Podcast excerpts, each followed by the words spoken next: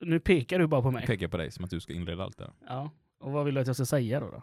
Nej, men du kan väl säga att det är sommar, det är jättevarmt, vi sitter i studion, vi har fönstret öppet så att om ni hör fågelkvitter och sånt så är det för att det är fåglar som kvittrar. Så avancerat. Häng med. Och ja, jo, häng med.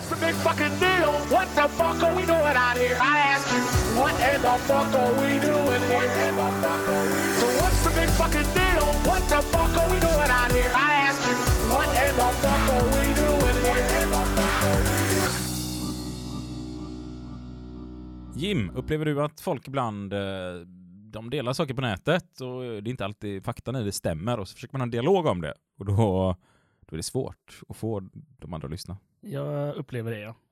Och även när de lyssnar så känns det inte som att de alltid vill eh, förstå eh, faktan i det hela. Så kan det också vara, definitivt.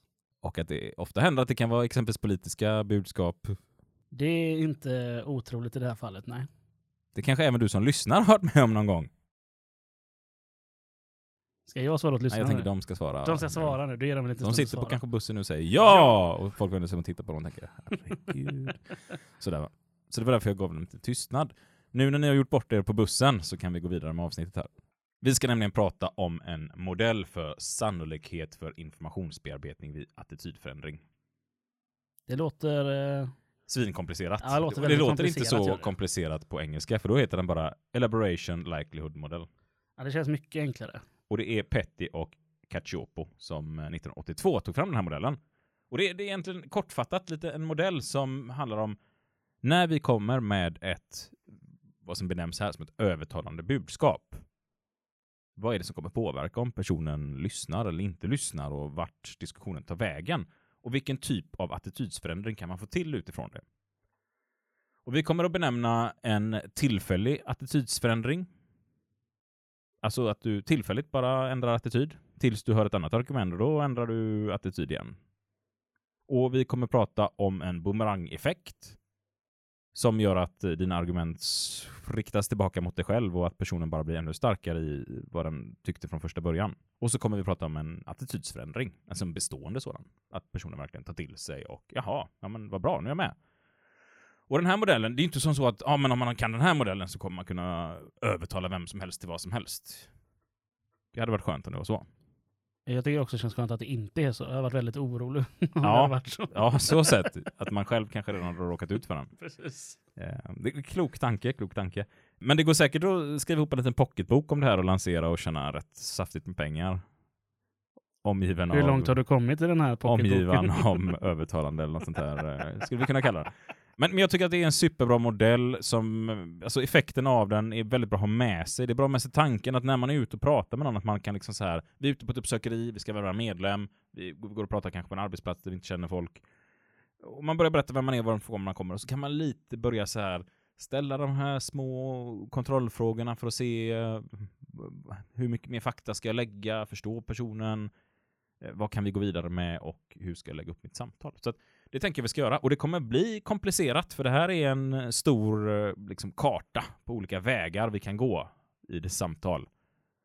Och det är svårt att måla upp för er som eh, sitter och lyssnar. Men om ni går in på fuckypodcast.podbean.com alltså podbean som böna på engelska, eller Mr Bean, då kan ni se den här om ni går in på senaste avsnittet eller inte senaste avsnittet, på det här avsnittet som vi pratar om nu, går in på. Så kolla den där, så kan ni se den här eh, modellen som vi har lagt upp. Ni kan även se den på vår Facebook och vår Instagram. Och eh, jag lägger nog in den som omslagsbild till den här avsnittet. Det kanske inte kommer se lika snyggt ut som vanligt, men den kommer ligga där så man ändå kan få ett litet humor. Men det är nog små bokstäver för er som lyssnar i vissa appar och sådär. Nu kollar du på med skumt här in. Ja, du, du gör det väldigt komplicerat just nu. Vi Just ska- nu, det här kommer bli skitkomplicerat idag, men det är därför det är så kul att lyssna på den här podden, för att vi alltid gör saker mer komplicerade än vad de behöver vara. Det är väl det vi kände för. Sen kommer vi också titta på någonting som kallas för sceneffekten. Eh, eller vi kommer inte titta på det, utan ni kommer att lyssna på det. Eh, och så ska vi prata om lite metoder för beteendepåverkan. Och eh, ja, men det här kommer vara tillämpningsbart från allt när vi är ute och värvar medlemmar på arbetsplatser eller på vår egen arbetsplats till alltså förhandlingsrummet. När man försöker att förklara ett problem och någon kanske inte riktigt förstår varför det är ett problem. Till eh, Facebook-diskussionen med den här kollegan som ni börjar tröttna på för att ni tycker att men herregud Bosse, nu får du fan komma in i matchen. Det kan också heta någonting annat än Bosse. Men vanligast är att han heter Bosse. Nej, Har du statistik på jag detta har ingen som helst statistik på detta. Jag ber om ursäkt till alla bussar där ute i landet faktiskt. Bra. Man har ju forskat på det här med attitydsförändringar alltså länge, för människan är ju väldigt intresserad av oh, hur påverkar vi människor, hur får vi till attitydsförändringar och, och både bra och dålig forskning kan vi konstatera. Ofta stora här kända universitet, Yale och sådär. Fängelse på engelska. Fängelset på engelska. Det, det, det, det är en sån här bra grej. Ja, I spent six years in Yale. Säger de, åh det är ju väldigt bra utbildning sådär liksom. Mm. Säger man då. Nu, ska vi, nu är det inte det vi ska prata om, dåliga ordvitsar. Utan eh, Eh, man, man, bland annat så har man pratat mycket om någonting som kallas för dissonans, som alltså väldigt kortfattat går ut på att människor som har fått eh, göra någonting jobbigt innan någonting bedömer saker och ting sen så mycket mer värdefulla. Det, man kan bland annat se detta i, eh, vad kallar man det, nollning och sånt där, att man utsätter den nya i en grupp för att utstå jobbiga saker och när man har gjort de här hemska jobbiga sakerna så känns det ännu viktigare att vara med i den här gruppen sen, för man har ju fått stå igenom så mycket skit eh, för det här. Eh, En förklaring på det, lite kortfattat, och det kanske vi kan ta ett helt annat avsnitt, för jag tycker det är ett väldigt intressant ämne också. Ja, mer gruppbeteende grejer eller? Ja, precis. Eh, Och se- sen har vi då liksom forskning om självperception och, och, och saker och ting som faktiskt gör att vi, eh, vi hur vi ser på oss själva. Alltså man kan se att ja, man testar där man talar om för folk att det här är spännande och kul att göra och så gör folk det och anser att det är ganska spännande och kul. Men de får betalt för att sen säga till någon att det är spännande och kul. Då upplever man det som mindre spännande och kul. Väldigt mycket mindre skrämmande att uppleva. Ja. Och, och det finns ju faktiskt mycket forskning på barn också, att eh, barn tycker det oftast är ganska kul att hjälpa till och städa och sådär. Men om man börjar ge dem massa beröm för det, eller belöningar för det, så börjar de genast tycka att det är mindre kul. Så man vill liksom hjälpa till sin grupp, man vill göra bra saker och få ordning. Men när man blir belönad för det så känns det inte längre kul och värdefullt på samma sätt. Så det kan vara en fara i att hela tiden belöna barn. Och det, det kan vi kanske länka lite till på våra sociala medier också. Eller kanske. Vi länkar till lite sådana artiklar i våra sociala medier. För det är ju inte föräldrapodd detta. Jag försöker övertala min fru om att hon ska dra igång en sån. Hon har ju skrivit en bok nu faktiskt. Får vi se om den lanseras här.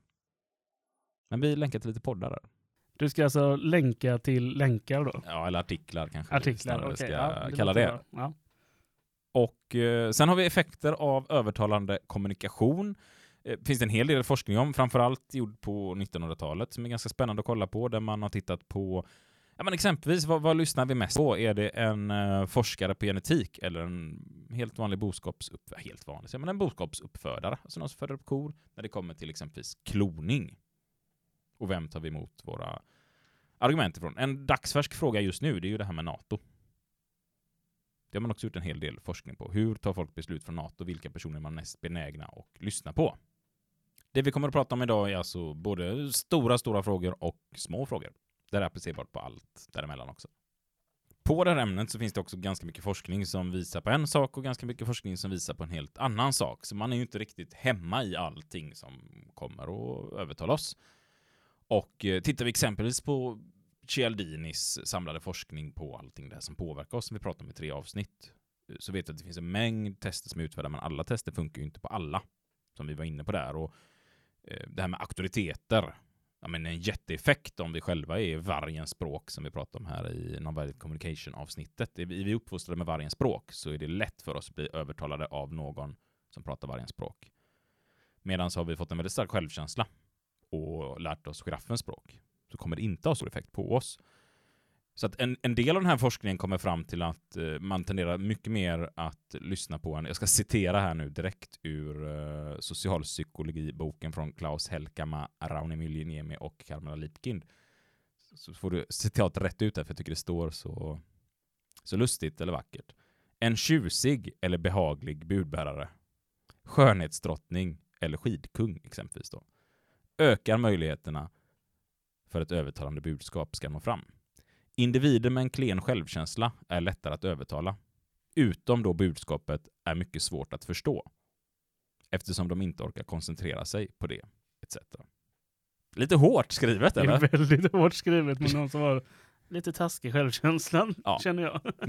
Men samtidigt, det här är inte applicerbart på alla med låg självkänsla. att det är så att de är alltid, utan det här är liksom statistiskt plockar du ut 100% av befolkningen. Eh, och så, det är ju alla 100% av dem med lägst självkänsla i befolkningen. Det blev, ja, det blev lite konstig statistik där. Vi får nog köra ett avsnitt med statistik jag märker också. Du plockar ut en väldigt stor grupp med låg självkänsla, kan man säga att överlag är det lättare. Så att mycket idag kommer också vara liksom överlag. Överlag. Inte eh, direkt applicerbart på alla. Men det här är också någonting man faktiskt måste ha med sig att allt kommer inte vara likadant på alla vi möter. Men det är därför jag tycker den här modellen som vi ska prata om här är bra, den här så kallade ELM-modellen. Elaboration Likelihood Model. Vi har också en effekt som kallas för sceneffekten. På engelska sleeper effekt. Jag tycker det engelska ordet är lite bättre, sleeper effekt. Och och det är en effekt som inte heller alltid behöver stämma överens. Men, men när man utgår från att man har lärt in två källor. Man, man har två källor med information som möter den och vi lägger lika mycket tid på de här källorna för att få in dem i våran skalle. Och så har vi den ena källan med en mycket, mycket stor trovärdighet. Det kommer från liksom någon vetenskapligt magasin eller det kommer från eh, forskare. Och den andra källan är ganska liten trovärdighet. Det är liksom det är någon YouTube-kanal med någon person man inte har en aning om vem det är. Så kan man se att den omedelbara effekten är att det är mycket, mycket större trovärdighet i den här stora källan. Och det gör en mycket större förändring i attityd. Och när jag säger attityd nu så kan det vara så kunskapen eller vad man tycker i frågan eller tänker kring just den här frågan. Men när man gör en undersökning fyra veckor senare så har effekten av källan, det har liksom suddats ut. Vilket leder till att eh, den här YouTube-kanalen kan ha samma påverkan på min attityd som den här jättestora vetenskapliga studien. Och det är ju en ganska farlig effekt. Att bara bli bara matade, matade, matade på YouTube av massa folk som har spelat in små korta klipp eller poddavsnitt på som vi faktiskt gör här, inser jag nu. Eh, så, så, så, så ja, men attitydsförändringen kan bli densamma som med den här jättestora vetenskapliga studien. För att någonstans så glömmer vi av vad var det jag hörde detta? Var, varifrån har jag tagit in informationen och det vi minns kanske är informationen. Eh, och det här gäller ju inte alltid. Det gäller ju inte om du har pluggat sex år på högskola till någonting. Och du har suttit och präntat in allting och du har liksom suttit och diskuterat teorierna, ifrågasatt teorin. Nu pratar vi lite mer sådana frågor som brukar gå runt på Facebook i klipp när någon håller i sin telefon och bara nu hör nu ni politiker och så tar man upp ett problem som finns. Och då väger oftast det inte lika tungt när man kanske får en matning med en stor studie som gjort på ämnet som visar på att ja, men det stämde inte riktigt allt det här som personen tog upp. Utan ja, man kanske för en stund säger, ja okej då, jag släpper det. Men fyra veckor senare så, ja men vänta nu, jag har ju sett 42 klipp på hur arga vi är på politikerna. Jag har bara sett en studie utförd av 450 forskare. Eh, Men bara en? men bara en, precis. Det väger inte lika tungt. Om vi inte då liksom kanske jobbar med det, eller väldigt fokuserade på det, verkligen förstår det, då är det en annan sak. Utan nu pratar vi lite mer sådär saker som går förbi oss lite i farten. Ja, det är ju lite den som vet minst skriker ofta högst. Ja, men alltså lite åt det temat, absolut. Eh, typ Dunning-Kruger-effekten, det här med att eh, den som börjar lära sig lite om något tror att nu kan jag allt om detta. Och då är man expert och kan allt. Medan den som faktiskt har blivit expert inser att oj, det här är en väldigt komplex och svår fråga, jag kan inte allt. Och så blir den personen kanske lite tystare och inte lika självsäker i det. Sen när man kommer upp på en extremt hög nivå och inser att men, oj, det kanske är jag som kan mest av alla om detta. Men då kanske man igen börjar låta lite högre eller ta lite mer plats igen. Det är också ett väldigt intressant fenomen som vi pratar alldeles för lite om i samhället tycker jag. Att vi ska nog vara lite vaksamma när någon står och skriker att de tycker att det är så enkla frågor, det är bara att göra så här. Har vi 365 politiker, hur många är de som sitter i riksdagen? 47? 349. 49. Det ska man kunna när man håller utbildningar och sånt. Jag brukar tjuvkolla det ibland. Eh, har vi nu 349 politiker som sitter där i Sveriges riksdag och vi har våra utskott och vi har förarbeten och hela team runt omkring som tar in fakta och man går på forskningsseminarier och allting och har kontakt med forskarna. Och ändå lyckas man inte komma fram till rätt svar. Det kanske är ganska svåra frågor ibland då. Där man kanske som gemene Facebook-användare inte har all den kunskap och grundinformation som behövs för att faktiskt kunna göra ett seriöst inlägg i frågan. Utan det är, om vi går tillbaka till vårt avsnitt om moralpsykologi. Man kanske behöver ställa sig de här varför, varför, varför, varför, varför tills man verkligen går på djupet med frågan och inser att oj, allt påverkar allt, mer eller mindre. om vi nu tar och kastar oss in i den här då ELM-modellen. Vet, Ska man säga M när den heter modell? Man säger ju inte Elaboration Likelihood Modell-modellen. Nej, men det är ju en förkortning du använder Jaha. som dessutom är på engelska, så det Ja. är väl lämpligt kanske. Vi kommer att göra det. Och så tycker ni att det är jättestörande att vi gör det, så mejla in till oss. Så vi ignorerar Så kan vi ignorera det. Eh, nej, men då lyssnar vi så ändrar vi oss till nästa avsnitt här. Men vi börjar med någonting. Jag kommer ut på en arbetsplats eh, och vi kan väl ta medlemskap till facket, för det tror jag är en diskussion som många som lyssnar på den här podden tar på sin arbetsplats, oavsett om man är förtroendevald eller inte, så tror jag att man pratar med sina kollegor om det. Och så börjar jag gå fram så här, men, men hej Jim, är du medlem i facket? Det kanske inte ens blir första frågan, utan vill du gå med i facket kanske vi ska ställa istället. Det första jag bör liksom fundera på här då, det är, är individen motiverad att bearbeta det här budskapet överhuvudtaget? Alltså, vad, vad är det för samband jag kommer in i? Står personen och håller på med något helt annat? Om du jobbar som bilplåtslagare, Im, eller lastbilsplåtslagare, Och är lite upptagen menar du? Ja men du kanske står och håller upp massa, du mäter och står och håller i två delar som ska svetsas ihop och det är svårt att få ihop det liksom och det är varmt och svettigt och jobbigt och så kommer jag bakom ryggen och börjar ställa massa frågor. Ja men då kanske svaret är det nej, personen är inte överhuvudtaget motiverad att bearbeta budskapet. Och då är det ju väldigt svårt att komma till stund med att överhuvudtaget få till en bra diskussion och få en attitydsförändring om nu Jim är den här personen som inte är med i facket och man tror att det här kommer bli ett svårt samtal, det kommer vara svårt att få Jim att gå med i facket. Och då kanske man redan där bör tänka om. Är det överhuvudtaget läge att göra det här nu? Och då kan man använda sig av ett väldigt bra knep för att det finns ju den här så kallade yes-metoden inom sälj. Att man bara ska få till så många yes, yes, yes, yes som möjligt. Alltså ja då på svenska. Och det leder då till slut till att man liksom så här, men då vill du vara med i facket. Ja, svarar personen då. Och så, oh, nu använder jag den här metoden. Eh, Den är ju inte så fantastiskt bra. Man har sett med lite statistik att det kan bättra på ett sälj. Men något som är ännu, ännu bättre, det är att personen ska bli bekväma i närheten av en.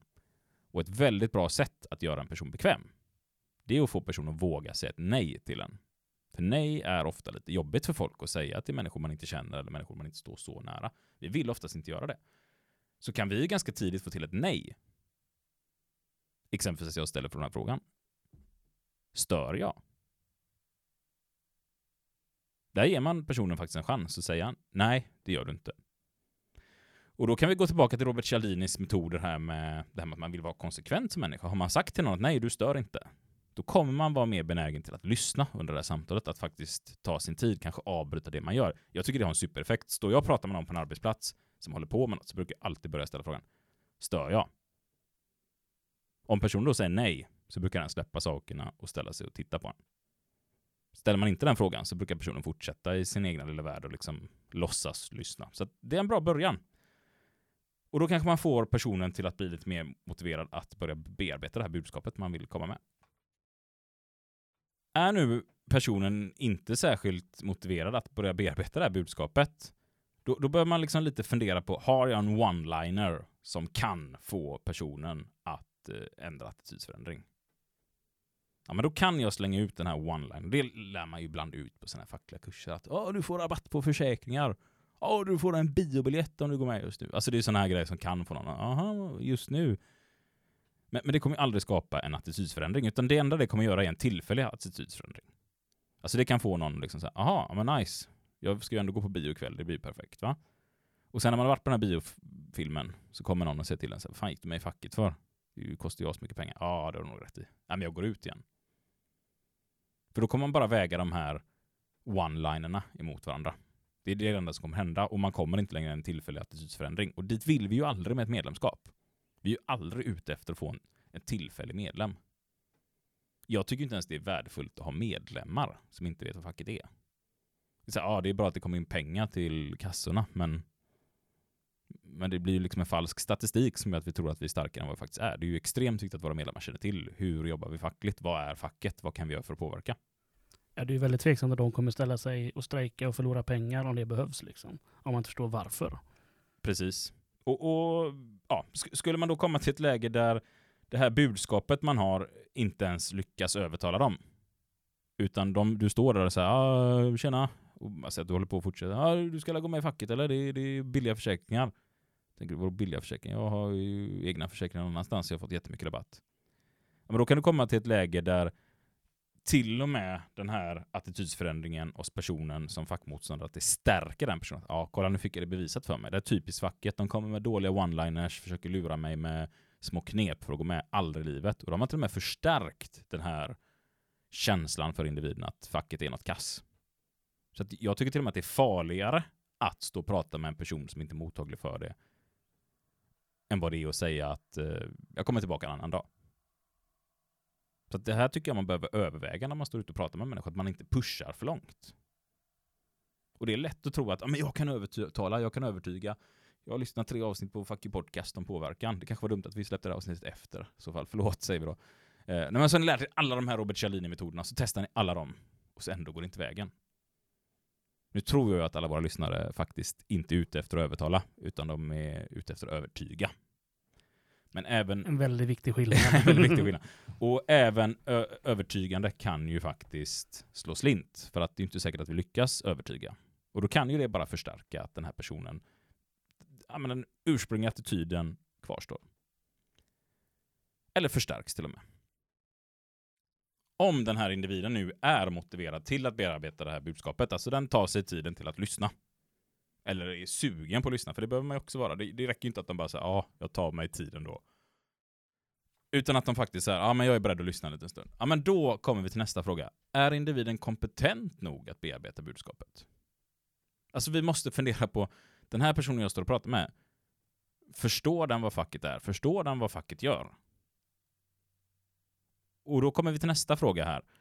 Om personen inte är kompetent nog att bearbeta det här budskapet, vilket jag tror att 99,9% av alla icke-medlemmar är.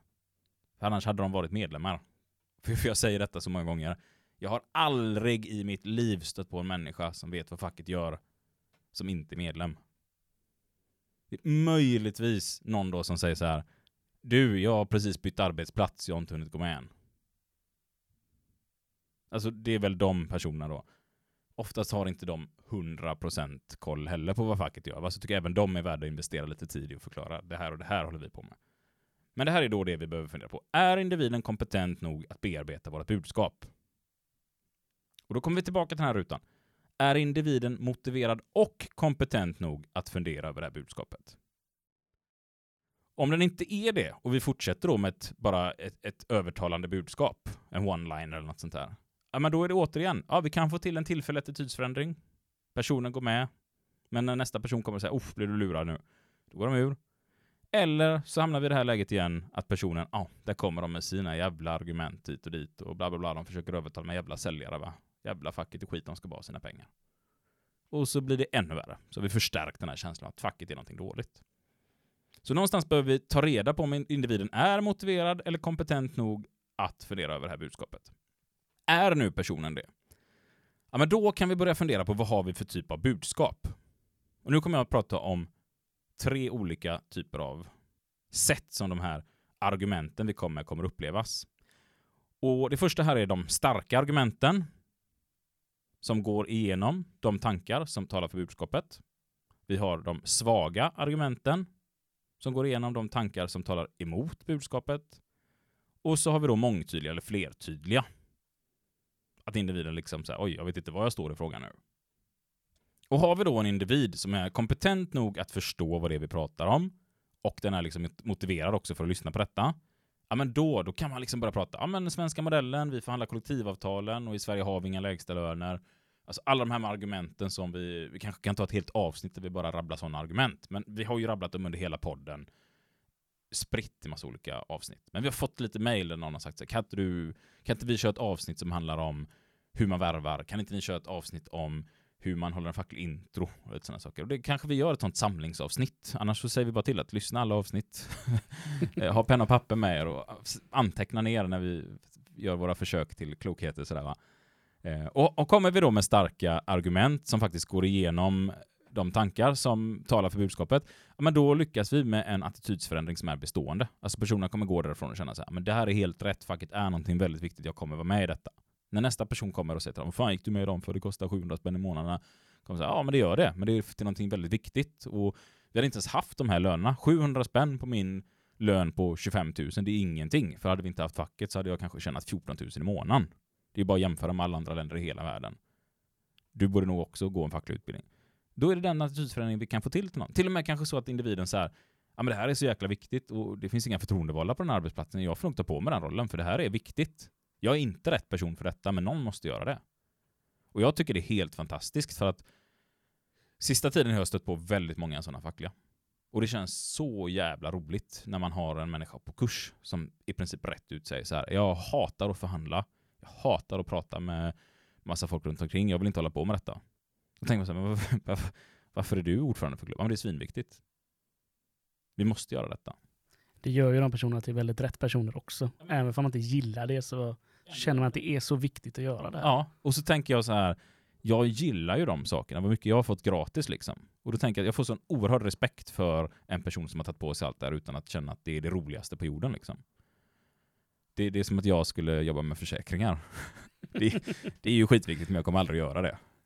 Nej, och så, jag, jag känner samma med försäkringar. Och det, det, du gör ju bara bra grejer för medlemmar. Ja. Alltså, de blir ju ofta väldigt glada. Ja, det är skitroliga grejer, det är jätteviktigt. Alltså det, det är ju De det. sitta där ge sig in i det. Det finns ju de som kan det istället. Och, Och- gillar det dessutom. Och, och det ska vi bjuda in till den här podden. Och vi vill inte förringa dem, för det är ju Nej, helt verkligen grymt inte. jävla arbete. ja, det är eh, jätteviktigt arbete. Men just det här att jag är nog inte den som hade hoppat in i en sån sak om jag inte kände att det är det här jag brinner för. Fast det är helt extremt viktigt. Alltså hela arbetarrörelsen, att man har skapat eh, kollektivt ägda eh, försäkringsbolag och allt det här, det är ju hur viktigt som helst. Men jag tror inte jag hade varit där. Jag hade varit en sån här som bara, ja, jag är väl med. För jag är med i våran försäkringsförening. Jag går på årsmötet. Men jag slingrar mig ur styrelsen. Det gjorde jag. Och sen har vi då, om det skulle bli som så att de argumenten vi kommer med till den här personen som är både kompetent att bearbeta budskapet och motiverad att bearbeta budskapet. Kommer vi då med svagare argument som personen inte riktigt köper eller tycker är vettiga, eller personen tycker att de, de här argumenten går inte ihop. Då blir det en så kallad bumerangeffekt. Alltså, de argument vi slänger iväg, de kommer tillbaka till oss själva och lite krossar oss själva. Och det är ju ingen jättebra effekt, va? att personen så här går därifrån, aha, det var det här jag visste. ja, de kan ingenting de på facket, va? Så det, det är klart att det är viktigt att vi vet vad vi pratar om när vi värvar medlemmar. Men vi behöver inte kunna allt. Utan det kan ju räcka att man går ut och talar om att ja, men det här är extremt viktigt, det är därför jag är här idag. Jag är inget proffs på förhandlingar, jag är inget proffs på lagarna, jag är inte ett proffs på allt facket gör, för det är så jäkla mycket de gör. Men det har gjort sån fruktansvärd skillnad för mig och mina arbetskamrater. Så jag tog på mig idag att åka ut till den här arbetsplatsen för att värva medlemmar och se vad ni har för frågor. Och, och jag tar med mig de frågorna ni har. Jag kommer inte kunna svara på en enda fråga ni har. Men jag tar med mig dem. Jag, jag ska ge er telefonnummer till de personer som kan svara på de här frågorna. Mailadresser, vad ni vill ha. För jag är här för att visa att facket är någonting helt fantastiskt och det är någonting vi måste arbeta. Och, eller någonting vi måste använda och någonting vi måste arbeta igenom om vi vill få det bra i samhället. Alltså det kan ju räcka att säga något sånt. Bara vårt budskap är starkt och personen förstår att ja, men det vi säger är genuint och ärligt. Sen har vi alla de här knepen från som, som Kjell Dina har sammanställt, som kan hjälpa oss långt på vägen om vi använder dem till att få till samtalet. Men det får inte vara de sakerna som gör att vi drar in någon som medlem. Så här, passa på idag, för imorgon eh, är sista medlemskapsplatsen borta. Och så åh fan stressa, jag går med. Det blir ju inte en bra medlem. Så använd de knepen till att få till ett möte, få till tid för att prata med någon. Få någon att säga, ja, men jag kan lyssna lite. Men inte till att försöka övertyga personen. Och, och det här är ju alltså modellen i sin korthet. Det är inte mer komplicerat än så här. Och ni kan ju slänga ett öga på vår hemsida eller på eh, Instagram eller Facebook. Så kort igen. Jag kommer ut på min arbetsplats. Jag ställer frågan till dig här kanske då att eh, stör jag? Nej då.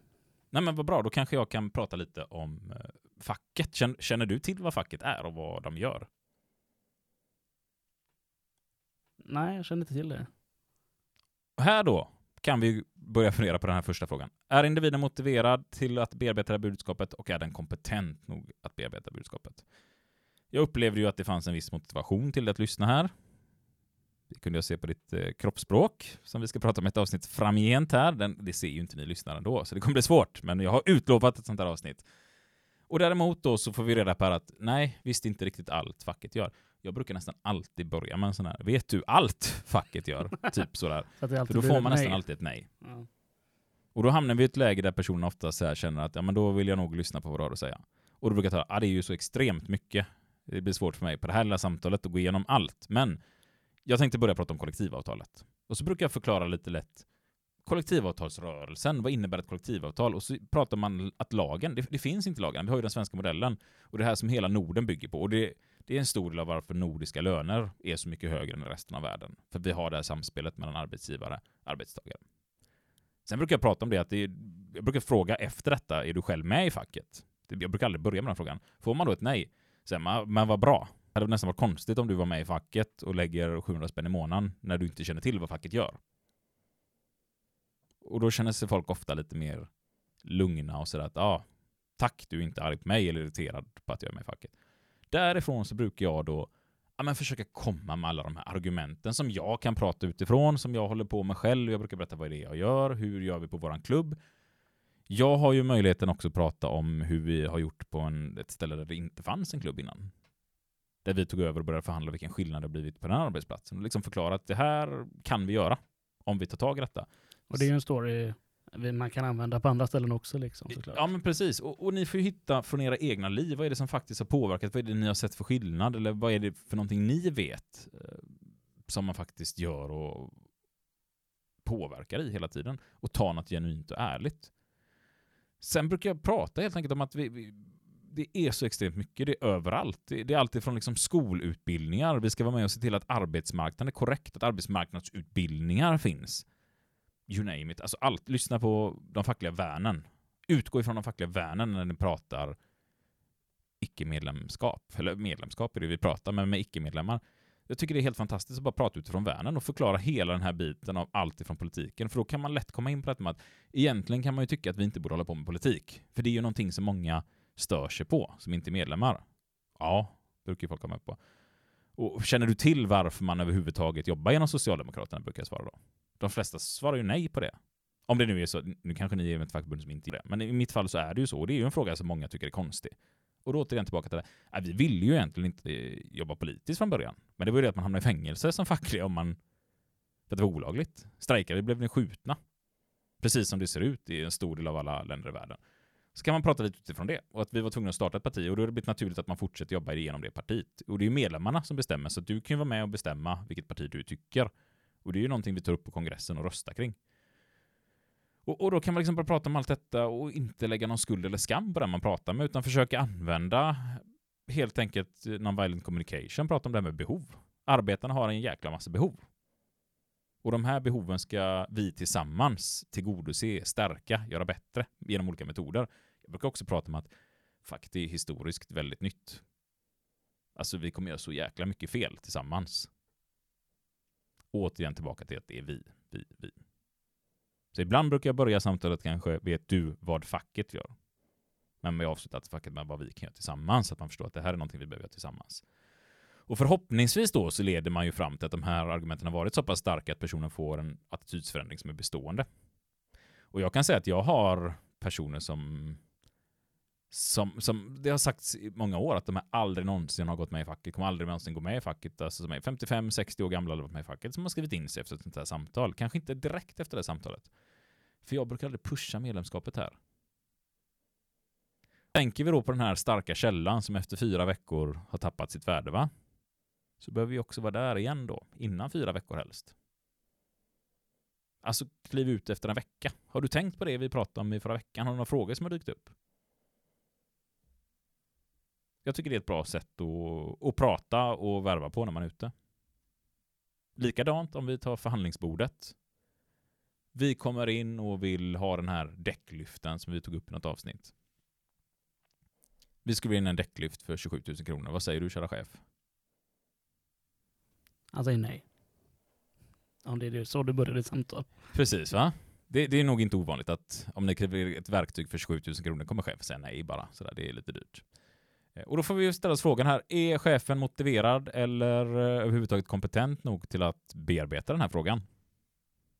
Kanske den är. Men om vi kommer in och bara säger att för 27 000 kronor, vi kanske inte har skapat så mycket engagemang för att lyssna på oss. Vi kanske inte har skapat sådär där eh, jättemycket fakta att ta ett beslut till, utan bara ja, 27 000 kronor är mycket pengar, funkar inte i budgeten? Nej. Utan då behöver vi hitta ett sätt att göra chefen motiverad och vi måste på något sätt säkerställa att eh, chefens kompetens, att man förstår vad kan den här produkten bespara oss i tid och pengar eller vad det nu kan vara. Kliver vi då in med kanske någon av Cialdinis såna påverkansmetoder som är bra för att skapa en ett skapa ett litet engagemang en kort stund eller få igång någon liten kort stund, en tillfällig attitydsförändring. För det, då behöver vi inte ha ett bestående attitydsförändring. Åh, när Isak kommer ska jag alltid lyssna på honom. Utan då kanske det räcker med en sån här, får jag bara en attitydsförändring här från en grinig chef som inte vill lyssna just nu till att vara en intresserad chef som är intresserad av att lyssna just nu. En kort attitydsförändring. Då kan jag använda ett sånt här budskap som Du, jag har suttit och räknat lite. Jag har lagt märke till att vi tappar 1,8 miljoner per år. Har vi verkligen råd att gå miste om de här pengarna? Då kommer man säga, vad säger du? Han kommer lyssna på det. Han kommer lyssna va? Helt plötsligt, eh, lite motivering till att bearbeta vårt budskap. Och sen då ställer man nästa fråga. Vet du hur mycket två ryggskott kostar om vi får det här i verkstaden? Alltså troligtvis kommer ju chefen få svara nej på det. För det kanske inte är någonting man sitter och räknar på dagligen. Nej. Jag har räknat lite på det. Jag har en Excel-fil med mig. Här kom så kan jag förvisa dig. Två stycken personer åker på varsitt ryggskott, blir sjukskrivna i två veckor. Det är 80% av deras lön minus karensdagen som ska betalas ut. Säg 50 000 kronor. Sen har vi den förlorade inkomsten. När de här två personerna är borta från arbetsplatsen och vi normalt debiterar 1000 kronor i timmen eller vad det kan vara. Ja, då har vi tappat eh, 80 timmar per person. Det är 160 timmar gånger 1000 kronor. Och då sitter chefen oj, ja det här är mycket pengar. Och så har jag sett att det finns en eh, däcklift som sparar jättemycket på axlar och rygg. Superergonomiskt. Tappar några minuters tid. Så jag har gjort en liten kalkyl här på hur mycket vi tappar per jobb. Men slår vi ut det mot sjukskrivningarna så har vi sparat 1,8 miljoner per år. Och det skulle bara kosta oss 27 000 att investera. Alltså då har vi troligtvis skapat en situation för oss där vi har ganska starka argument. Chefen är både motiverad och kompetent nog att förstå vårt budskap.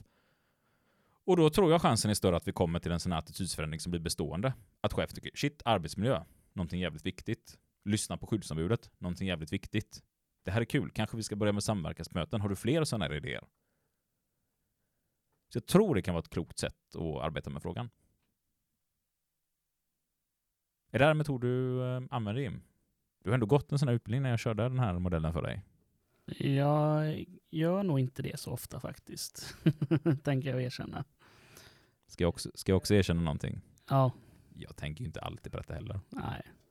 Men, men om man, när man är i sitt sånt där kognitiva flow, liksom, när det känns som att nu rör allting på, nu hänger hjärnan med, nu är jag liksom bright och det, och det funkar. Då kör jag alltid den här modellen. Då kommer den ganska naturligt. Men, men det gäller ju att man, är, man kanske tänker lite på den innan. Har med sig den bakut. Vad är det jag ska göra nu? Ja, men det kommer vara ett samtal. Det kanske kommer vara med en individ som inte gillar facket. Hur lägger jag upp det då? Och då försöker jag lyssna mycket. Och ta de här sekunderna och lyssna och ställ frågor. Och gärna öppna frågor till individen, för då får man ju väldigt mycket svar. Exempelvis, vad tycker du om facket? Där får ni ju supermycket argument. Frågar man sig, är du medlem? Vad får man då? Ett ja eller ett nej? Det är ganska stängt. Ni vet inte, ha, hur ska jag... Vill du gå med i facket? Nej. Varför inte? Ja, men då har ni fått två korta svar. Chansen är stort att tredje svaret kommer också vara ganska kort. Va? Men kan vi istället börja med öppna frågor. Vad vet du om facket? Vad tycker du om facket? Där kan man få väldigt mycket information och då kan man också bedöma. Verkar den här personen intresserad av att lyssna? Har den här personen kunskap? Ja, men det tror jag ändå att jag gör ganska ofta när jag är ute, men jag har nog inte reflekterat på det på det sättet faktiskt. Hur upplever du att människor blir när du ställer de här frågorna? Ja, men de, de blir ganska tillmötesgående då alltså. För ser du dig själv som en sån här bra säljare? Det skulle jag aldrig säga att jag är. Nej, men det, det är inte heller min uppfattning av dig och att jag upplevt dig som en säljare. Eh, jag själv när jag var i början av min fackliga bana och skulle runt på uppsökeri, ja men då blev jag en sån säljare liksom. Och det gick bra. Jag var jätteduktig på att få iväg medlemskap. Men så här i efterhand, jag tror också att det var ganska svaga medlemskap. Eller nej, inte tror jag. Jag vet att flera av de här var ganska dåliga medlemskap. Alltså flera av de här individerna, jag har fått folk att gå med i facket och sen när de byter arbetsgivare, så bara, ah, nu är jag inte med längre för nu är jag på en annan arbetsplats. Här behövs det inte. Ja, men hur bra var den värvningen då liksom? Det var helt meningslös värvning. Åh, det blir lite pengar in till, till förbundet i fem års tid. Alltså, det gör ju inte, inte för att förringa medlemsavgifterna, men det gör ju inte den skillnaden. Det är ju inte det vi vill ha. Vi vill ju ha människor som är aktiva, agerar. Men däremot så känner jag ju att när jag är ute med dig, du står ju och fastnar i diskussioner och blir svinbra diskussioner och frågar med folk. Och det tror jag är just för att du automatiskt ställer mer frågor än vad jag gör när jag är ute. Mm. Så bästa säljaren kanske inte alltid är bästa värvan. Ja, långsiktigt menar du då? Alltså, vi värvar massor med folk. Ja, men det är ju meningslöst egentligen. det är ju det faktiskt. Det är viktigt att vi har eh, folk som förstår varför de är med i facket. Ja. Däremot, alltså de här säljknepen och påverkansknepen, men det är grymt om vi använder dem till att få iväg folk på kurser. För, där det är jätteviktigt. för då har vi bara fått iväg dem till ett ställe där man faktiskt lär sig någonting. ja, då kommer det bli långvarigt. Ja, När man väl förhoppningsvis om det är bra. Ja, handledare. Ja, men det kommer det vara. Det kommer det vara. Det ser ni lyssnare till. För ni är ju handledare, jättemånga av er. Och ni som inte är det, ni blir ju det snart. Alla ska bli Alla ska handledare. bli handledare, tycker jag. Isak från studiekommittén här. Ja. Jag tänker att vi ändå rundar av med de här orden idag. Eh, lite eftersnack så där brukar vi alltid ha, där vi sitter och säger till er att ni ska...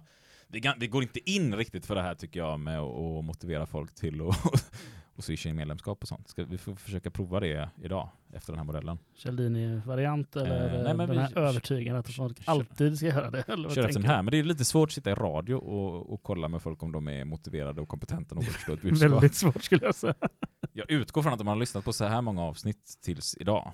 Eller man har kommit i alla fall hit i avsnittet. Då är man motiverad och kompetent till Ja, att i alla fall lyssna på vi. avsnittet. Eh, Men det tänkte jag vi ska stoppa idag. Det, det har kommit jättemycket önskemål inom ledarskapsskolan på kroppsspråk, på retorik, på eh, hur man sätter upp bra mål. Och lite sådär. Så det är några kommande avsnitt i ledarskapsskolan. Det är lite sommar och gött nu och härligt väder förhoppningsvis för er. Eller så lyssnar ni på det här i efterhand och så är det vinter och is och ni skrapar rutorna och sådär. Ja, det vet inte vi när de kommer lyssna. Nej, men något som gjorde mig väldigt glad är att vi, vi sa så här i något tidigare avsnitt också. Och då fick vi mejl från en av er härliga lyssnare om att den lyssnade på vårt julavsnitt eh, mitt i sommaren. Och tyckte det var jättehärligt att tänka på att det var lite skillnad i vädret. Och då ska vi köra de här grejerna vi ska avsluta med. Som vi, du och jag är så dåliga på att komma ihåg, men som Sebbe alltid kör. Jag tror vi tar dem idag, för jag känner mig både motiverad och kompetent. Fantastiskt. Gilla. Dela Oh, en tredje sak. och följ oss tror jag. Följ oss. Utmärkt. Eh, Facebook, Instagram. Ja, och ni kan mejla oss på fuckypodcast.gmail.com och eh, komma med tankar, idéer, åsikter, eh, beröm. Beröm. Mycket beröm kan Det ni skicka in också. Det är fantastiskt trevligt när vi får beröm. Ja, det är det faktiskt. Ja, det är Eh, faktiskt sånt som får en att fortsätta med det här. Ja, det finns dagar, här, typ söndagar, där man har, ja, fan vad söndagsångest jag får alltså. Jag, jag vet inte vad det är för fel. Men eh, jag, jag tror inte det spelar någon roll hur mycket jag kommer jobba med mig själv, jag kommer alltid ha en väldigt stark sån söndagsångest. Eh, jag tror jag kommer ha det även när jag är pensionär. Hur som helst, de här söndagarna, när man kollar, och så har det kommit in ett mejl och folk skriver att eh, det har hänt något på deras arbetsplats och folk har lyssnat på podden och folk har blivit, gått med och engagerat sig eller man har skapat en klubb tillsammans. Då, då känns det jävligt kul tycker jag. Det är väldigt roligt att se. Och också när man är lite så här deppig en söndag. Känner så här, "Åh, jobba imorgon och fan har jag gjort med mitt liv? Nu är det söndag igen och jag har fortfarande inte lyckats komma ifrån det här ekorrhjulet varje vecka. Usch, sådär. Och så går man in och så ser man, ja ah, men eh, tusen pers har lyssnat på oss idag. En söndag. Då bultar mitt lilla hjärta i alla fall. Det är fantastiskt trevligt. Så tack för all kärlek som ni ger oss. Eh, och ni får jättegärna bli stödmedlemmar om ni vill det. Och det är valfri summa. Ja, men ni måste inte det. Nej, det är ingen som måste bli det. Nej. Nu- Men Är lät som att vi gärna var, "Åh, ni är så fantastiska, men betala gärna. men vill ni så får ni jättegärna bli stödmedlemmar och eh, då väljer ni ju som Jim var på väg att säga här innan jag avbröt honom. Man väljer själv. Man Summa. väljer egen summa. Vad har du valt för summa? Jag har valt 200 kronor. Det är bra. Vad En bra du- summa. Vad har du valt för summa? Jag valde en mycket lägre summa eftersom jag hade lagt ut eh, typ 15 000 kronor till podden. Så jag, jag, eh, jag vågar knappt berätta vad jag gav i summa. Nej, jag En- vill, jag vill inte ställa krona. den frågan En egentligen. krona. Men du ställer frågan till Jag mig. swishade in en krona idag faktiskt. Men det är helt okej. Det är helt okej. Eh, och det är även okej om ni vill swisha in en krona. Vill ni swisha in 5000 kronor så får ni jättegärna göra det också. Men ni väljer själv summa. Det är det som är så bra med den här föreningen tycker jag. Ja. Och ni swishar till eh, numret 123 09 084 26. och det finns också i länkarna. Har Sebbe ens blivit medlem i vår förening? Sebbe är medlem i vår Ja, förening. Ehm, Han var mm, sent på det, men eh, mm, han han, är det. medlem. han fick inte medlemskapsnummer två i alla fall. Det fick han inte. Utan det fick en av er medlemmar. Det tycker jag är fantastiskt. Så Ja. medlem ett är Jim, medlem två är... Någon var tvungen att testa det här ja, också. någon annan. Det är väl jag tror jag kanske då. Eventuellt. Nej. Nej, du är längre ner. Jag kommer inte ens på två eller tre heller. Du är topp 20 är du. Topp men- 20 är i alla fall gött. härligt, härligt. Då, mina vänner, eh, passa på att bli medlemmar. Ja, och har man en förening som man känner ska bli medlem också så är man jättevälkommen att kontakta mig. Så löser jag. Vad går de här pengarna till då? För det brukar vi inte prata så mycket om. Nej, det gör vi inte. Men det är ju mycket att vi ska kunna ta oss iväg och träffa gäster framförallt. Det är väl det vi tänker att vi ska använda pengar till framåt. Sen det tidigare har det varit mycket utrustning då för att det ska bli så bra som möjligt för lyssnarna. Ja, och den mesta utrustningen är hemma nu. Så att, eh, alltså det är väl egentligen för att kunna ta oss runt i landet som vi gärna vill ta in lite stöd. Ja. ja. Tusen tack för att ni är med och stöttar podden och delar oss och följer oss. Så hörs vi. Ja, Ha det Det är gött. precis vad vi gör. Vi hörs. It's a big fucking deal. What the fuck are we doing out here? I ask you, what in the fuck are we doing here? So what's the big fucking deal? What the fuck are we doing out here? I ask you, what in the fuck are we doing here? Men vi måste ändå ha ett roligt outro. Mm. Vad du tänker du ska ha då, då? Vad är det för roligt du tänker dig? Jag tänker att om jag smygstartar inspelningen så här Mm. utan att du att märker det så något. säger du någonting dumt när mikrofonen är avstängd. va? Jättedumt när man har en stor skärm där man ser när vi spelar. Mm, Det Det blev, inte den här lilla röda lampan som man kan det prata blev om. en knallröd skärm här istället. Det. Ehm, Jag hoppas jag säger något dumt här nu. ja, det hade varit kul om du kunde, du är ju ändå politiker och sådär och Och du vill ha det står inspelat. på riksdagslistan så det hade varit kul om du sa något riktigt horribelt Mm. så kunde vi sälja det här till För att få in cash till podden. Få in cash till podden, ja, precis. Ja. Det var ett försök i alla fall till att vinna den här guldspaden, men eh, Det är väldigt långt ner på den där riksdagslistan. med de här orden får vi väl... Ja. ja förresten, min eh, gudfar har ju jobbat som redaktör på Uppdrag granskning och Mm. var nyss i Vancouver tror jag, på, jag såg på Insta- Instagram eller sociala medier. Sådär. Och tog emot något sånt jättestort pris för något program de hade gjort. Uppdrag granskning. Och då tänkte jag på det när vi spelade in ett avsnitt om, jag tror det var en BL eller något, så hittade vi en felstavning. Så det tänker jag att det om någon av er lyssnare vill tipsa de här eh, stora journalistpriserna om. Att vi hittat en felstavning i en lag. Ja. Eller var det förorden till en lag? Nej, det var i, i lagtexten eh, Ja. på hemsidan. Inte, Mm. inte i lagboken, Nej, men på hemsidan. på hemsidan. Eh, En bokstav som var fel. för- vi förtjänar definitivt ett stort pris för detta, det tycker jag. Grejen var jag kopierade det i Facebook, för jag skulle svara en person. Så kopierade jag så här och klistrade in det, och så bara helvete, jag ska ha varit fel. Jag bara, det har jag ju inte gjort, jag har ju kopierat in detta. Och så upptäckte jag att det var riksdagen som... Eh, I alla fall, Men nu ger du ju all cred till Facebook istället. Det var ju inte bra. nej, men det var jag som klistrade in det där. Ja men då så, bra Ja. jobbat oväntat.